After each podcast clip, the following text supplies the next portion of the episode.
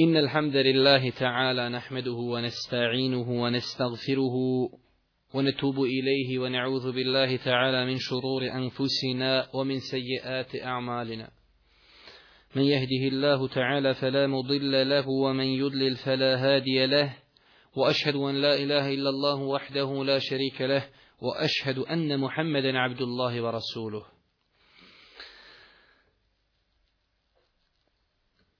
Zaista svaka zahvala pripada uzvišenom Allahu subhanahu wa ta'ala. Donosimo salavat i selam na posljednjeg Allahu poslanika, Allahu miljenika Muhammed alihi selam. moja draga, kao što znate,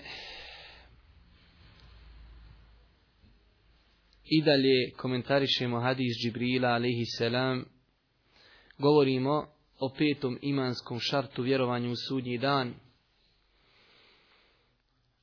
govorimo o džennetu, vječnom boravištu muslimana, vjernika. U petak smo spomenuli nekoliko stvari vezani za ovu tematiku.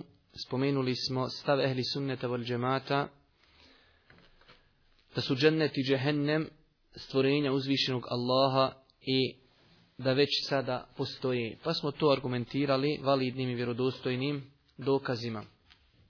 Nakon toga spomenuli smo u našem predavanju ko su prve osobe koje će ući u džennet.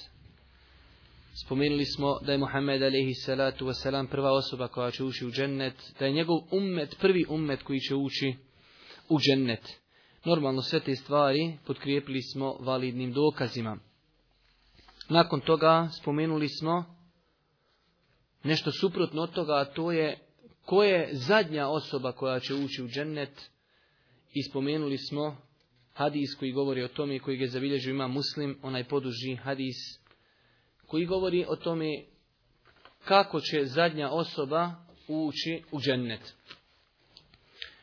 Nakon toga spomenuli smo izgled džennetlija govoreći o njihovom ajde da kažemo fizičkom izgledu govoreći o njihovim osobinama kao to da će biti u obliku Adema alaihi da će biti svi u 33. godini, da će biti ljepote Jusufa alaihi salatu i da će biti srca Ejuba alaihi salatu Na kraju tog predavanja spomenuli smo kao jednu uvertiru, znači ulazak u džennet, spomenuli smo argumente koji govori o broju džennetskih vrata, spomenuli smo neka imena tih vrata i dijela neka koja uzrokuju ulazak u džennet, odnosno ulazak u džennet na određena vrata. Večeras, ako Bog da nastavljamo i pokušat ćemo tu skratiti maksimalno, da završimo, ako Bog da, govor o opisu dženneta. Treba opet naglasiti da su ovo više edukativna predavanja, Sigurno tu bude neki odgojnih koristi, ali ovo su edukativna predavanja i govorimo o onim stvarima koje bi trebao da poznaje čovjek, vjernik i da vjeruje u njih.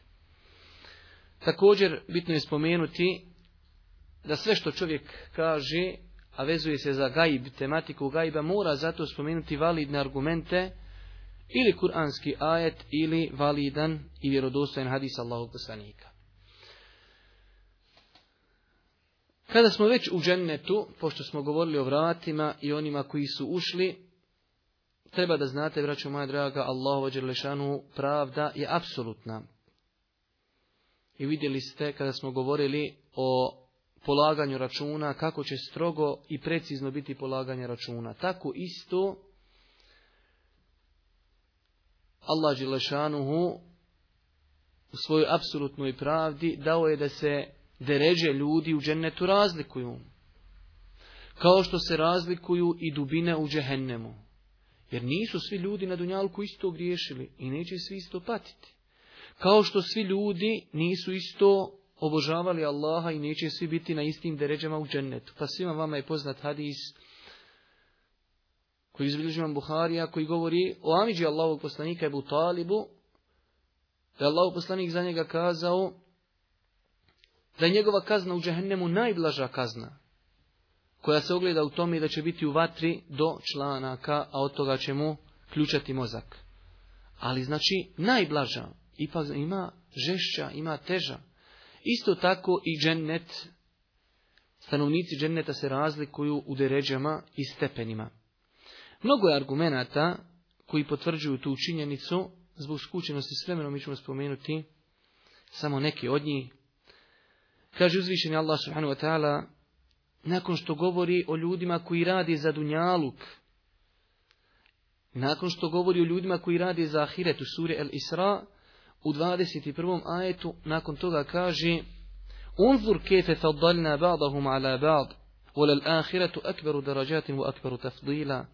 Gledaj kako mi jednima na drugima dajemo prednost. Pogledaj, na Dunjalku pogledajte, neko bogat, neko siromašan, neko lijep, neko nije lijep, neko ugledan, neko manje ugledan. Tu su razlike velike. Ali kaže uzvišeni Allah subhanahu wa ta'ala, gledaj kako jednima dajemo prednost na drugima i na ovom svijetu. Razlika u stepenima i prednost bit će dosta veća, odnosno i na, na onom se dajemo i na ovom svijetu, a i na onom svijetu će razlika biti mnogo veća. Ovdje ove razlike mogu se smatrati da su malehne za razliku kolike će biti razlike na ahiretu. Jedna od skupina koja će ako Bog da zaslužiti velike deređe, će znači ovo je dokaz ujedno da u dženetu postoje deređe, a ujedno i ukazujemo na skupinu i dijelo koje bi trebali činiti kako bi zaslužili što veću deređu u džennetu, a to je, kaže uzvišeni Allah, يَرْفَعِ اللَّهُ الَّذِينَ آمَنُوا مِنْكُمْ وَالَّذِينَ أُوتُوا الْعِلْمَ دَرَجَاتِ Zaista će Allah uzvišeni na visoke stepene uzdići one među vama koji vjeruju i kojima je dato znanje. Na visoke stepene, što znači postoje stepeni koji su niži i oni koji su viši. E na one visoke stepene će uzvišeni uzdići one koji su vjerovali i koji su, kojima je dato znanje. Kaže se od isko izbliženo Buharija i muslima debu Saida al-Hudrija, kaže Allah poslanik, stanovnici dženneta će gledati druge stanovnike, kaže stanovnike soba, većih deređa gore, kao što ljudi na Dunjaluku gledaju zvijezdu kada se prolije. Tako će, kaže ljudi, gledati oni poviš sebe u džennetu. Li tefadu li zbog različitosti među njima. Jedni gore visoko kao zvijezde. Pa kažu ashabi Allahovom poslaniku, Allahov poslaniće, vjerovatno su tu ređe poslanika i tu ne može svako dostići. Kaže Allahov poslanik, ne, ne, ne, može se to dostići. To će dostići ljudi koji vjeruju u Allaha i koji su potvrdili istinitost poslanika. Takvi deređe su ovećane takvim ljudima. U drugom hadisku izbilježima e, Buharija od Ebu Hureyre, da je Allah poslanik kazao, ko vjeruje u Allaha i njegovog poslanika, obavlja namaz, posti mjesec Ramazana, ima pravo kod Allaha, je da ga Allah uvede u džennet. Kaže Allah poslanik, bez obzira borio se na Allahovom putu, ili kaže umro u mjestu gdje je rođen. Ima pravo kod Allaha da bude uveden u džennet. Pa kaže Asabi, pa Allah poslaniće, ćemo li da idemo ljude obavijest, efelanu veširu nas, daj da idemo ljudima to kazat, lako, vjeruješ u Allaha poslanika, obavljaš namaz i postiš, i imaš pravo te Allah uvede u džennet. Ali, i to kaže, bez obzira bio u džihadu ili ne bio, kaže Allah poslanik, alaihi salatu wasalam, Zaista u džennetu ima stotinu deređa koje Allah Đelešanu pripremio samo za muđahide. Stotinu deređa. Kaže razdaljina između jedne i druge je kao razdaljina između zemlje i nebesa. Kaže, zato kada tražite od Allaha džennet, tražite Firdeus. Firdeus je, Firdeus je, kaže, sredina dženneta i najviši nivo dženneta. Zato kada tražite, tražite Firdeus, to je sredina dženneta i to je najviši dio dženneta, iznad njega je Aršur Rahman, Arš uzvišenog Allaha subhanahu wa ta'ala. Pogledajte kako ovaj hadis uči insana da ima visoke ambicije. Vidjeli ste prošli put, ja u predavanju kažem, da je biti onaj zadnji u nešto što će ući, kad smo govorili u predaju od muslima. Ali nas islam ne uči tome. Islam nas uči uvijek da budeš number one. Nikako bi te ljudi uvažavali, ali da bude nešto kvalitetno. Nas islam ne uči kad ideš u školu da prođeš dvicom. Ne, da budeš najbolji u školu. E to mi nas uči islam. Kvalitetu, a ne kvantitetu. Pogledajte, kada tražite, traži Firdeus, ma ne budi zadnji Firdeus. Znači, uči nas islam, uči nas islam mi. I ovakvi onaj, argumenti kroz historiju mnogo su ostavljali traga na ljude kada se govori o džennetu, deređama dženneta. Svima vama je poznat koji izviđujem muslim. Allahu poslani kada su bili u bitci na Bedru, kaže prije početka bitke, kaže kumu ila džennetin arduha semavatu val ardu, ustanite ljudi prema džennetu, čija prostranstva su kao zemlja i nebesa. Kaže, ja sam došao Boži poslanić. Džennet, prostranstvo, zemlja, nebesa. Kaže, behin, behin, kaže, Allah poslanić, zašto si to rekao? Ma kaže, da mi je da ja uđem u džennet. Kaže, nadam se da će ti biti jedan od stanovnika dženneta. Kaže, pa je imao nekoliko datula u ruci, pa je počeo da jede. Pa kaže, ako ja budem živio dok pojedim ove datule, to je dug život. Pa je bacio, kaže, datule. Zna, ode, poslanik mu rekao, ti ćeš u džennet. Slomio je korce, kaže, svog mača i otišao. Borio se dok nije preselio.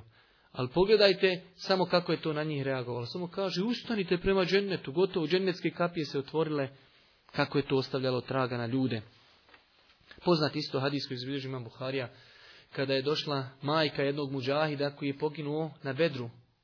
Iako je poginuo od zalutali strelice, kada je došao Allah poslanik u Medinu, ona kaže, Allah poslaniće, kaži mi šta je bilo sa mojim sinom.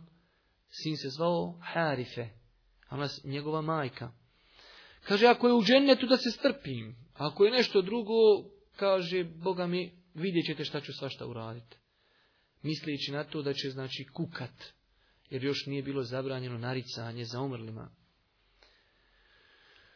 Kaže Allah poslanik majko Harisova, kaže u džennetu to su stepeni, to su deređe, a tvoj sin, kaže, on je u najvećem stepenu, on je u Firdausu. Znači, svi su ovo argumenti koji potvrđuju da u džennetu imaju stepeni, i da će se ljudi razlikovati u džennetu. Što se tiče tog, hajda kažemo, materijala, od čega je napravljen džennet, u vjerodostojnim predama Allah poslanik nas obavještava da je džennet ono što je izgrađeno u džennetu, da je građeno jedna cigla zlatna, jedna srebrena. A onaj takozvani što ga mi zovemo malter, između toga je misk zlato, srebro, a između toga misk. Kažu ashabi jedne prilike Allahom poslaniku, Allahom poslaniče, kaže mi kad smo kod tebe, kad slušamo od tebe, kaže mi jednostavno zaboravimo na dunjaluk. Mi se kaže samo mi smo ahiretski ljudi, ali kad odemo kući, kad malo sa ženama, kad pogledamo djecu, kaže mi to Bogan kaže već malo zaboravimo. Kaže Allahom poslanik, kada bi vi bili onakvi kakvi ste kada ste kod mene, Vama bi, kaže, u u posjetu, kućama dolazili meleki. Ali znajte isto tako, vi kada ne bi griješili, Allah bi stvorio druge koji će griješiti, pa tražiti oprost, pa da im on oprašta. Pa kaže sabi Allah poslaniće, od čega je izgrađen džennet? Kaže Allah poslanik, cigla od srebra, cigla od zlata.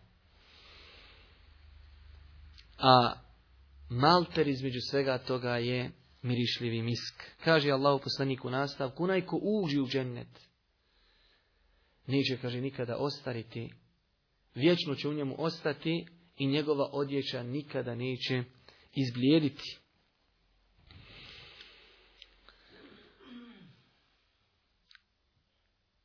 Kaže se također u predaji koja je vjerodostojna, da Allah poslanik alaihi salatu wasalam kazao jedne prilike, ušao sam u džennet. Pa sam vidio dvorac od zlata, čita od zlata. Kaže, pa sam upitao, čiji je ovo dvorac? Pa mi je rečeno, kaže, to je dvorac za jednog mladića Kurešiju. Kaže, Allah poslanik, pa sam ja pomislio da je moj. Jer poslanik je Kurešiju. Pa sam rekao, a ko je on? Ko je taj kurišća? Kažu Omer ibn al-Hattab. Kaže Allahu poslanik, obraćajući se Omer ibn al-Hattabu, sjetio sam se tvoje ljubomore pa nisam ušao u njega. Kaže Omer, Allahu poslaniće, jesam ljubomoran, ali ne mogu biti ljubomoran na tebe. Ovaj hadis je znači vjerodostojan. Što se tiče dženneta, u njemu ima i drveća i to izuzetno interesantnog drveća koje mi našim razumom sada ne možemo rezonovati i shvatiti. Kaže Allah poslanik alaihi salatu wasalam u vjerodostojnom hadisu U džennetu ima drvo u čijem ladu čovjek može stotinu godina da ide i da ne prođe taj hlad. Toliko su debeli hladovi dženneta. Sto godina ideš uvijek fino u hlad. Ima Dosta ste puta slušali, tamo se spominje tuba. Pa jedne prilike došao čovjek Allahu poslanik kaže Allahu poslanik, šta je to tuba? Kaže Allahu poslanik alaihi salatu wasalam to je drvo u džennetu čovjek treba kaže da hodi njegovim hladom i stotinu godina da bi prošao. Od njegovih cvatova je kaže džennetska odjeća. Znači mogu slobodno vam kažem, sve ove što spominjemo argumente, sve argumente koje spominjemo, nekada ćemo spomenuti ko prenosi hadis, ali ako Bog da, ja sam se zaista trudio mnogo i mnogo je tog opisa dženneta, pogotovo kad su u pitanju hurije i svašta nešto, ali ja sam se zaista gledao, ograničavao na hadise koji su zaista vjerodostojni. Tako da ne trebamo plavo posvećivati pažnji onaj spominjanju vjerodostojnosti hadisa, Znači, ako Bog da sve su tu vjerodostojni hadisi. Džennetski plodovi, ženetsko drveće, džennetski plodovi. Allah poslanik se salatu wasalam jedne prilike klanja o nama za pomračenje. Pa kažu ashabi, kada, završio, kada je se završio namaz, kažu a poslaniće, vidjeli smo te u namazu, kaže nešto dohačaš. Nakon toga vidjeli smo te bježiš. Te ka, kat. Vraćaš se nazad. Kaže Allahu poslanik alaihi salatu wasalam, inni al dženne. Ja sam vidio džennet. U namazu sam vidio džennet. Kaže, pa sam pružio ruku da dohvatim grozd, grožđe. Kaže da sam ga dohvatio, da sam ga dohvatio mogli biste jesti od njega sve dok ima dunjaluka. Toliko je to bereket i toliko je to veliko, kaže da sam ga dohvatio, mogli biste jesti sve dok ima dunjaluka. Ali sam kaže, što se tiče onoga mog vraćanja unazad, nakon toga sam vidio džehennem. I nisam, kaže, vidio teži i gori prizor do današnjeg dana i vidio sam, kaže, da je većina njegovih stanovnika žene. Pa su pitali sami zašto Allahu poslaniće? Kaže, zato što je kfurn, ne vjeruju. Kažu, Allahu jer ne vjeruju Allaha. A riječ kefer u arapsku može značiti ne vjerovati, može značiti negirati nešto. Kaže, ne, nije da ne vjeruju, ne, ne, ne negiraju Allaha, već negiraju dobročinstvo kojim učini njihov suprug. Kaže, kada bi nekoj od njih čitav život radio dobro i samo jednom ne uradiš dobro, kaže, rekla bi nikada nisi u životu dobra uradio. Tu su ti dženecki plodovi. Tu su ti dženecki plodovi. Ovdje vidimo, Allah poslanih spominje samo grozd toliko velik da kada bi bio na Dunjaluku bio bi dovoljan svima nama i to sve dok je dunjaluka. Uzvišen je Allah u suri El Waqia. Ja vam preporučujem, svi oni koji imaju tefsir, nek uzmu i nek pročitaju suru El Waqia. Mi nećemo imati vremena da se zaustavljamo kod ovih ajeta, nećemo inicitirati ni čak na kako bi što više toga večera spomenuli i završili ovo predavanje o džennetu. Samo ćemo pročitati ajete koji govori o džennetu. U suri Al-Waqia od 10. do 40. ajeta. Pogledajte tefsir, iako u tefsiru, znači, pogotovo ovaj što je preveden na bosanski, ima dosta predaja koji su upitne, ali onaj sigurno ćete se okoristiti. Kaže uzvišeni Allah kune sabi I oni prvi, uvijek prvi. Oni će Allahu bliski biti u džennetskim bašćama. Biće ih mnogo od naroda drevnih, a malo od onih kasnijih. Na divanima izvezenim, jedni prema drugima okrenuti, na njima će i naslonjeni biti. Služit će i vječno mladi mladići, sa čašama i ibricima i peharom punim pića iz izvora tekućeg, od koga ih glava neće boljeti. I zbog toga, i zbog kojeg neće pamet izgubiti. I voćem kojim će sami birati. Evo ovdje nam uzvišenje Allah spominje također, između ostalog, da će dženetlije imati voće koji će sami birati i mesom ptičim kakvo budu željeli. U njima će biti i hurije oči u krupniji, slične biseru u školjkama, kao nagrada za ono što su činili. U njima neće slušati prazne besjede ni govor griješni, nego samo riječi, selamen, selamen, mir, mir, samo te riječi će ljudi slušati u džennetu. A oni srećni, ko su srećni? Biće među lotosovim drvećem bezbodljih. Prvo sabikune, sabikune. E sada jedna druga skupina. A oni srećni, ko su srećni? Biće i među lotosovim drvićem bezbodlji, I među bananama, plodovima nanizanim, u, hladovima, u hladovini prostranoj. Pored vode tekući, usred voća svakovrsnog. Koje će uvijek imati i koje neće zabranjeno biti. Voća u džennetu ima svakovrsnog i neće biti zabranjeno. Također znate svi, dosta puta smo slušali onaj kuranski ajet u suri Al-Baqara, gdje kaže uzvišeni Allah obeširi الَّذِينَ amenu Prvi ajeti suri Al-Baqara kaže uzvišeni Allah, a oni koji vjeruju dobra djela čini, i džennetskim bašama kroz koje će rijeke teći. Svaki put kada im se iz njih da kakav plod, voće, iz tih bašta, kada im se da kakav plod, oni će reći, ovo smo i prije jeli. Komentarisat ćemo poslije, inša šta znači ovu smo i prijeli.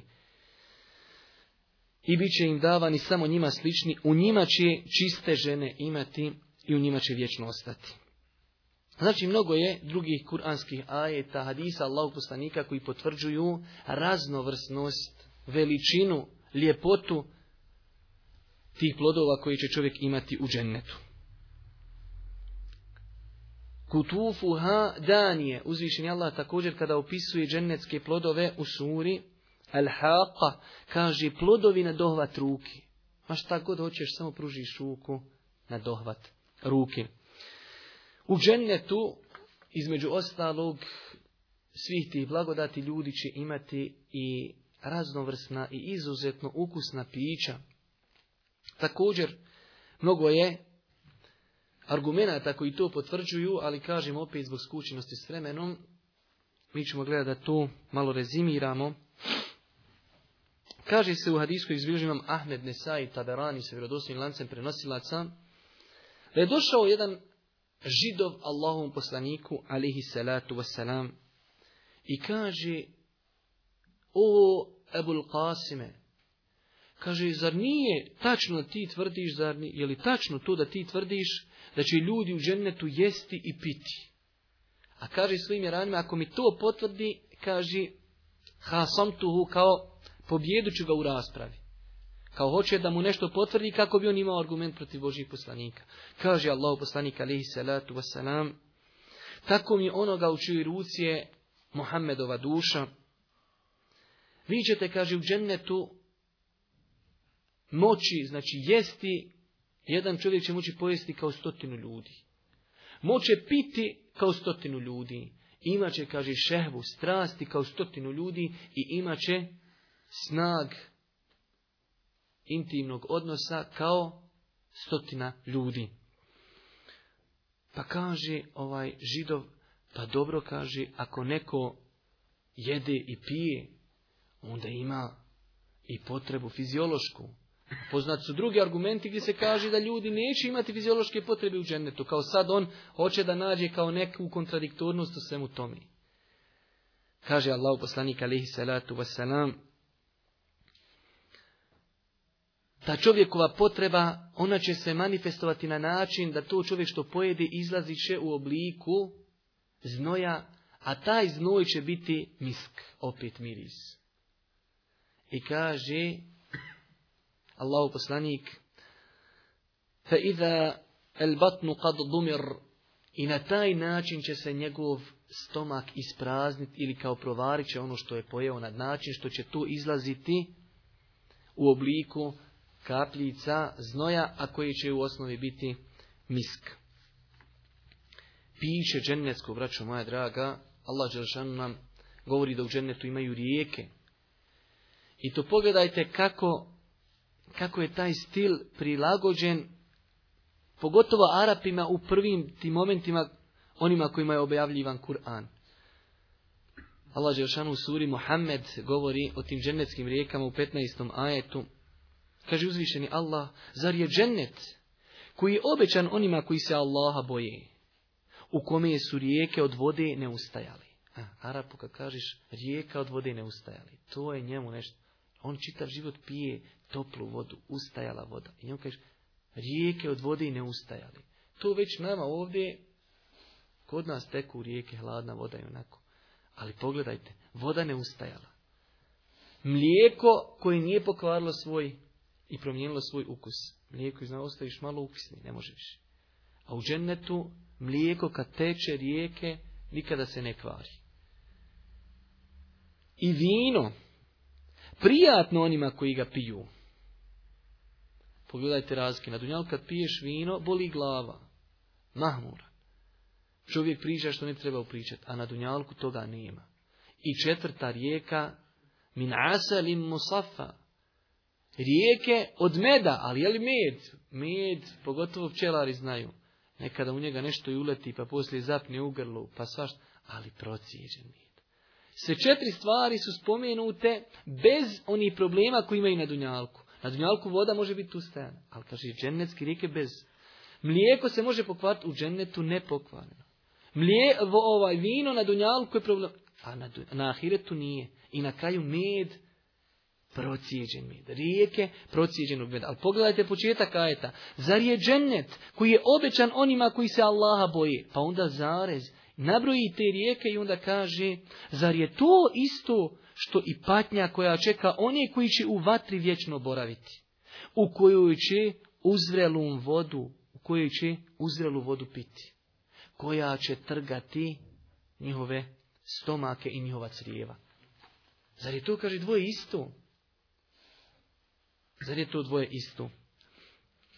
Također, džennetsko posuđe pehari i brici od zlata i od srebra.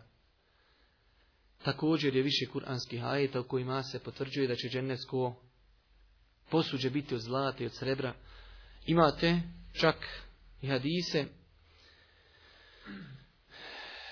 u kojima kaže Allah poslanik alaihi salatu wasalam nemojte jesti i piti iz zlatnog i srebrenog posuđa, zaista je ono nevjernicima na Dunjaluku, a vama na Ahiretu.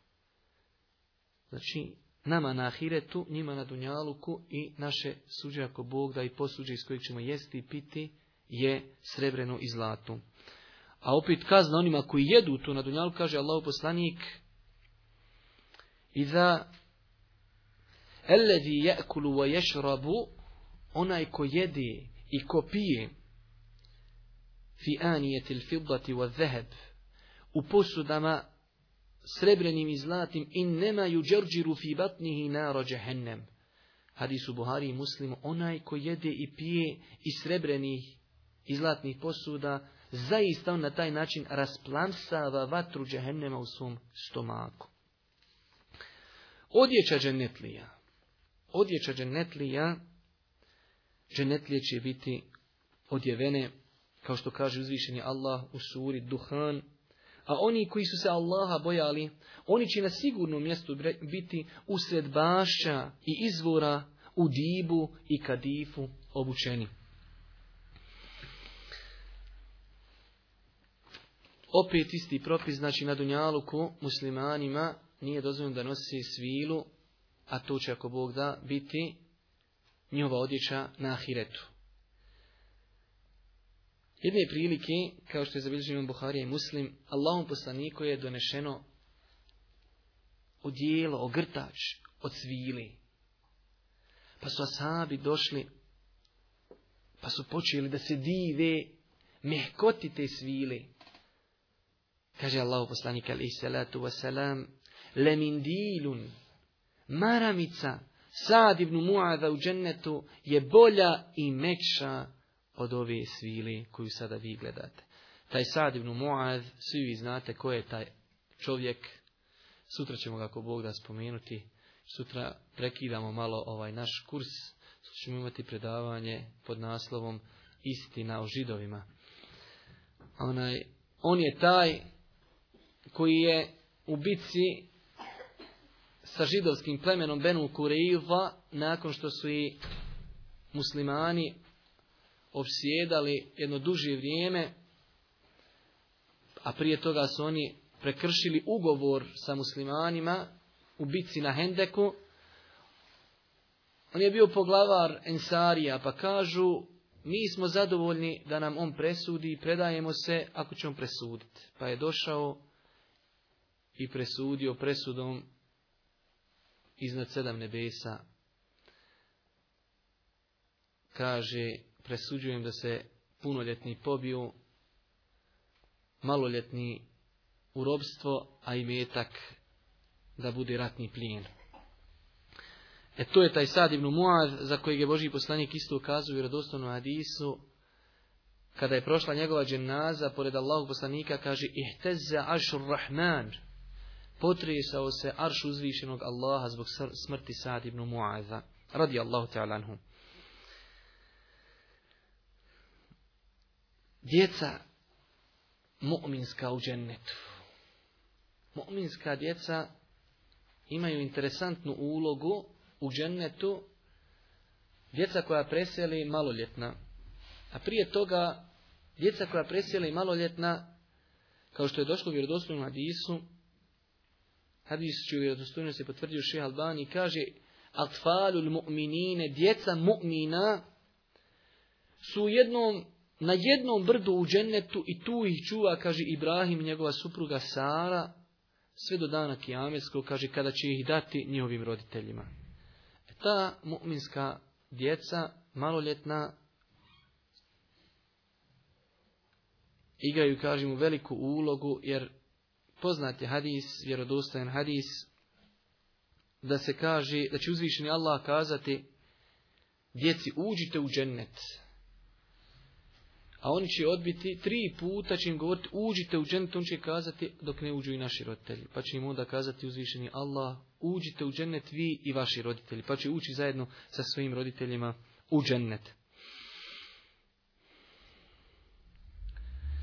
Što se tiče stanovnika dženneta i stanovnika džehennema, Allahu poslanik ali salatu veselam u više vjerodostojnih predaja potvrđuje da će većina stanovnika džehennema biti žene. U više vjerodostojnih hadisa. Kaže se u jednom hadisu, kaže Allahu poslanik, itala'tu fil dženne. Ušao sam, povirio sam u džennet pa sam vidio da je većina stanovnika dženneta siromasi, a vidio sam džehennem pa sam vidio da je većina stanovnika džehennema da su žene. Ovdje se postavlja pitanje, i to je pitanje staro, povlači se već dugo vremena, čak od vremena sahaba, koga će biti više u džennetu, žena ili muškaraca? Kazali smo da je većina stanovnika u džehennemu žene. Ebu Hureyri radi Allahu ta'ala, kad su ga upitali to pitanje, kaže Ebu Hureyre, taj hadis bilježi Buharija i Muslim, govori on, početak hadisa onim skupinama kada će prva skupina pa druga skupina ući u džennet i njihov oblik kakvi će biti. I onda kaže svako od njih, svi koji uđu u džennet će imati, kaže, po dvije žene. Svi će imati po dvije žene, pa ih opisuje na način da se košana srž njihovih potkoljenica vidi kroz njihovo meso.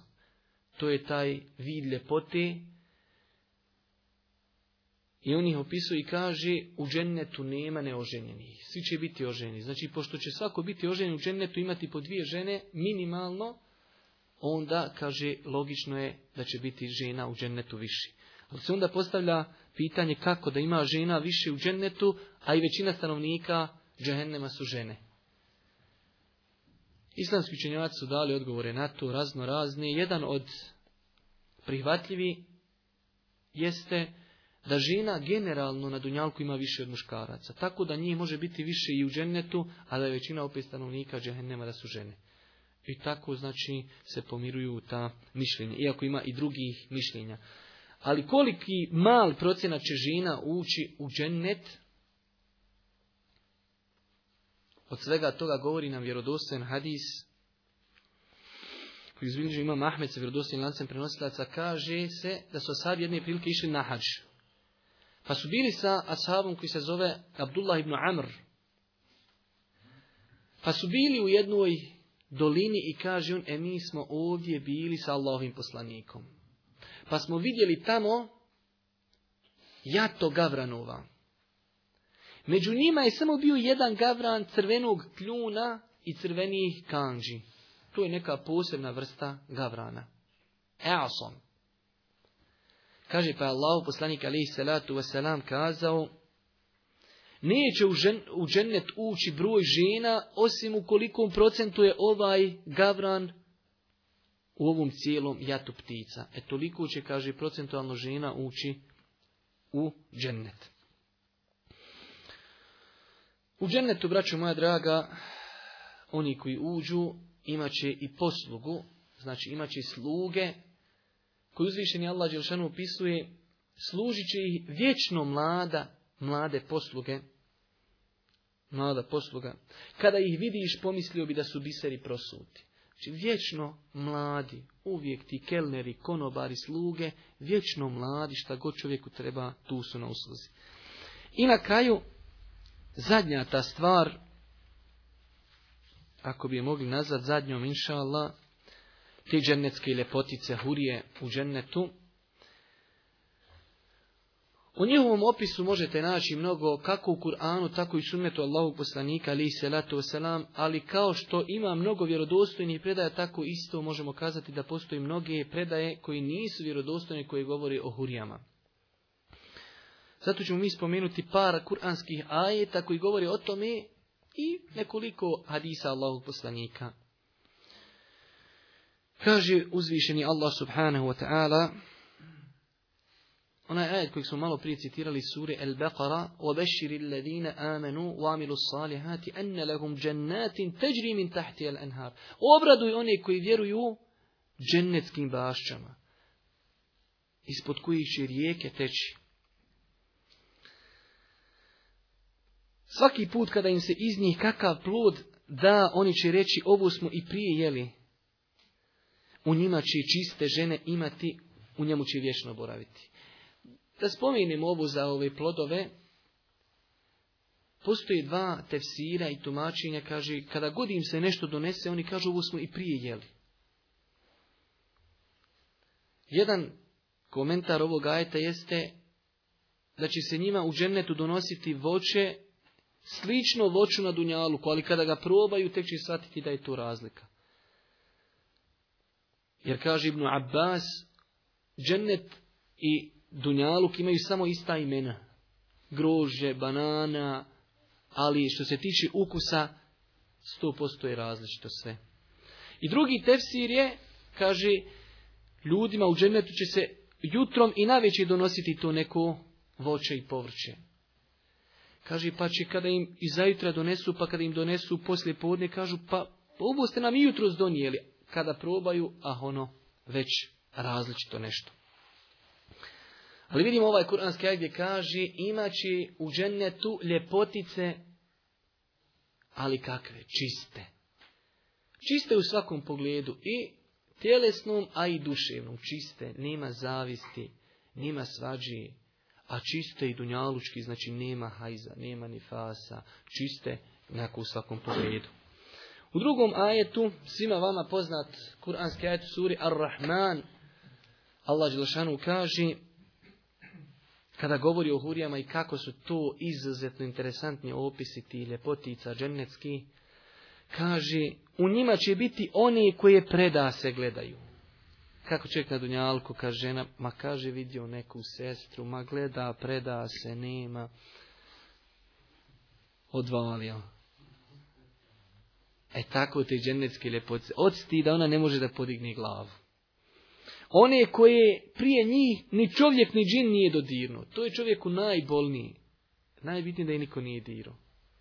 E to je taj opis dženecki. Gledaju, preda se i plus još niko ih kaže nikad nije dirnuo. Ni insan ni džin. Pa koju blagodat gospodara svoga poričite tebi eji ala i rabbikuma tukeziban.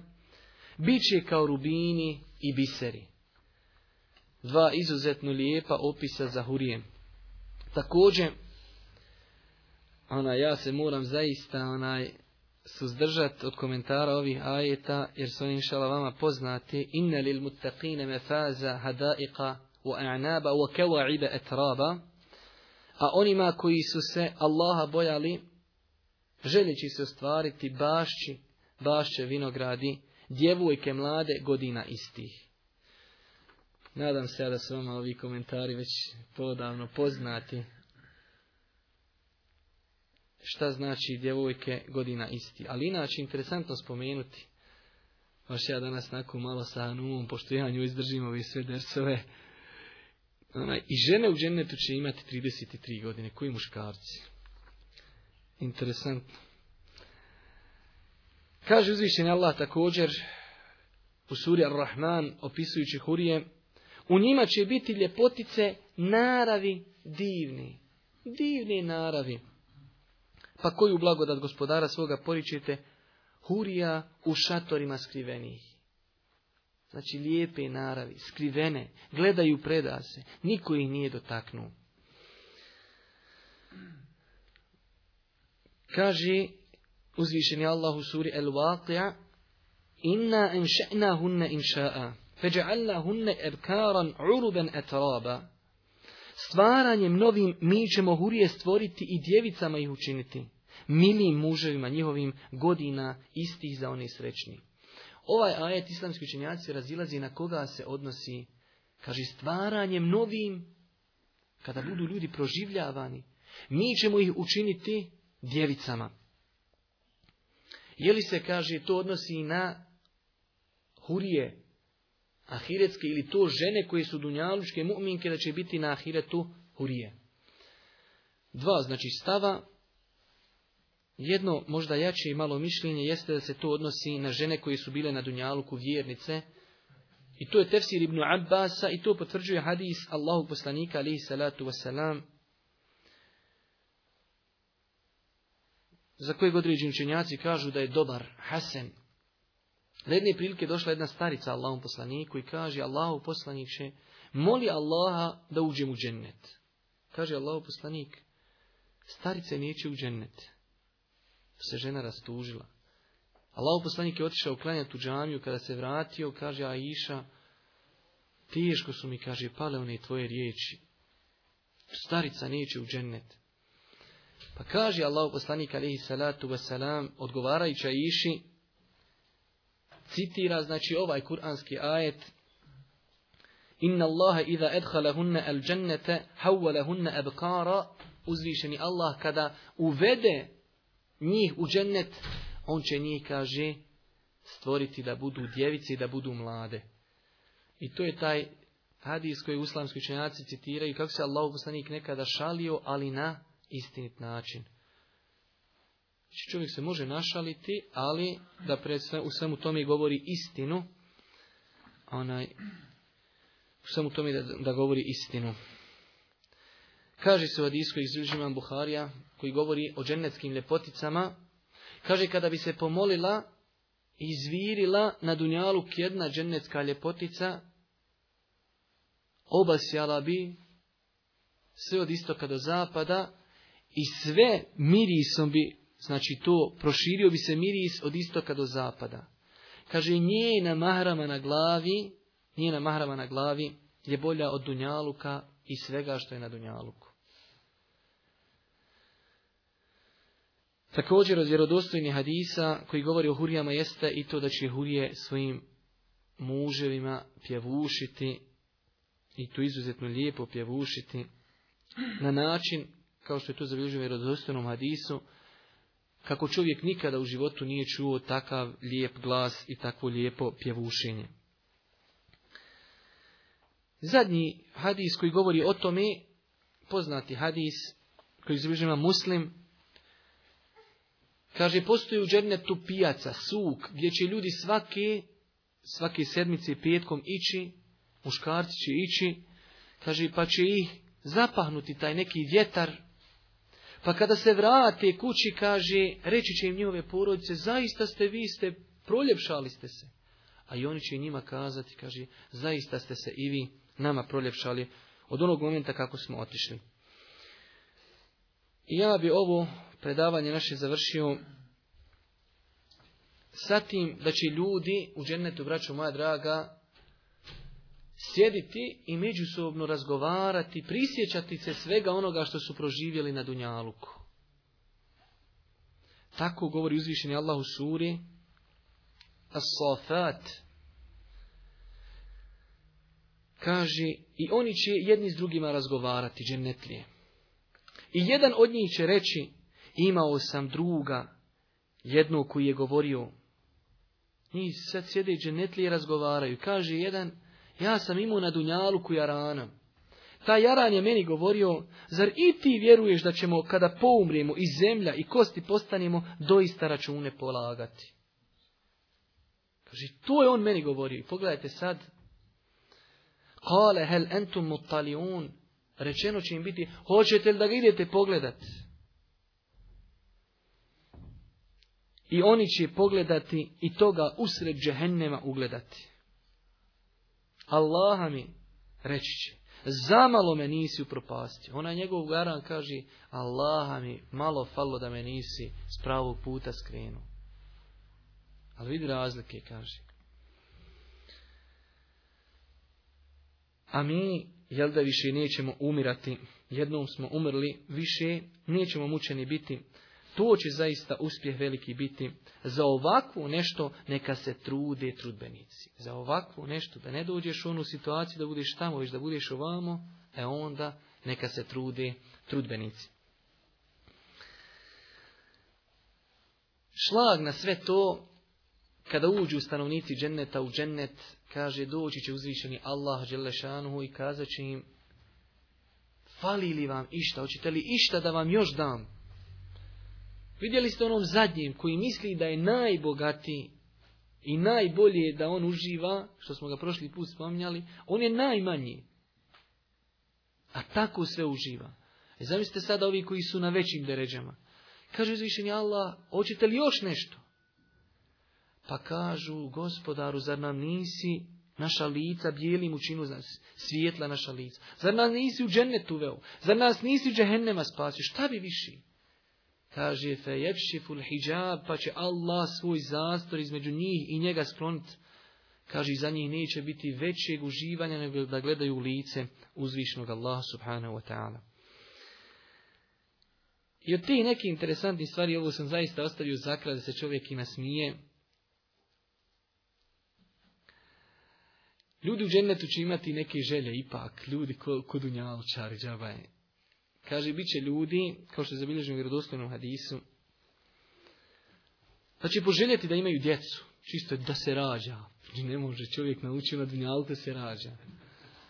Kaže, vjerodostojan hadis, kaže, čovjek sam kad pomisli da mu je dijete, kaže, u istom momentu će žena zatrudniti i u istom momentu će to dijete odrasti, u istom momentu će se roditi. Sve u istom momentu. Znači, u dženetu šta god čovjek pomisli i šta god zaželi odmah. Ima još jedan smješni hadis. Hadis koji je vjerodostojan, koji je vam Buharija. Stvarno smo mi onaj tanki znanja da Allah sačuva. Kad čovjek vidi kakvi sve hadisa ima u Buhari, zaista onaj, mi čovjek shvati koliko ne zna svoju vjeru. Kaže se da je došao jedne prilike jedan čovjek beduin iz Badije, iz pustnje, došao kod poslanika. I poslanik priča o džennetu. I kaže Boži poslanik, dođe, kaže čovjek u džennetu i kaže gospodaru, ja tražim dozvolu da ja idem što god sijat. On kod kuće dok je bio na dunjalku sijao puno i njemu je to ostalo u krvi, on bi da ide u džennetu sijat. U mu ležat, odmarat, kaže ja bi gospodin idem sijat. Kaže Allah poslanik, on kako je trepnuo okom, i kako je vratio svoj treptaj oka, to što je on planirao sijat, ono je odmah se i posijalo i niči i plodovi su ogromni ko planine. Še znači, šta god poželiš. I sada dolazi nared taj beduin koji tu sve sluša. Kaže Allah poslaniće, kaže taj, kaže mora da je ili kaže kurejša ili kaže insarija, kaže oni vole plavo sijat. Kaže mi, mi u mi kaj ne volimo sijat. Kaže pa je se Allah poslanik nasmio sam u tome. ne nebi, nasmio se tom njegovom razmišljanju, veli taj, taj će sigurno biti ili kurejša ili insarija, a oni kaže plavo vole sijat. Tako, braćo moja draga, tu se završava ovo naše druženje u kojim smo govorili o džennetu, tu je ta vječna stanica vjernika, kao što je došlo u vjerodostojnom hadisu, da kada uđu u džennetlije u džennet i džehennemlije u džehennem, dovešće se između dženneta i džehennema ovan. Pa će se prvo pozvati džehennemlije i kazati, znate li vi šta je ovo?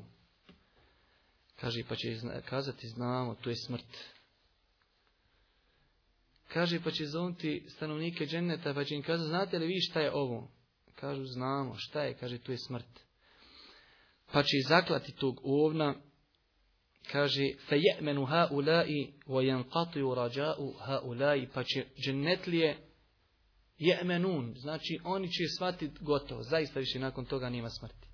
A vajankatiju rađa'u haula, a ovi opet džehennemlije, kaže, shvatit će da za njih više nema nikakve nadi. Znači tu je ta vječna stanica svakog od nas, džennet ili džehennem. Molimo Allah Đelešanhu da ono što smo čuli bude dokazom za nas, a ne protiv nas. Molimo ga subhanahu wa ta'ala da ove stvari ostavi traga na nas i ako Bog da, da u nama pobude želju za pripremanjem za tu vječnu kuću. Molimo ga subhanahu wa ta'ala da nas učesti u teškim vremenima, da nam bude milostiv na sudnjem danju na kraju subhanaka Allahumma bihamdike. Ešhedu in la ilaha illa ente stakfiruke wa etubu ilaik. Eh, pitanja sad možete koliko hoćete. Ja što sam znao priče, ja sam rekao s papira. Šta si rekao, ko će čuvati djeca?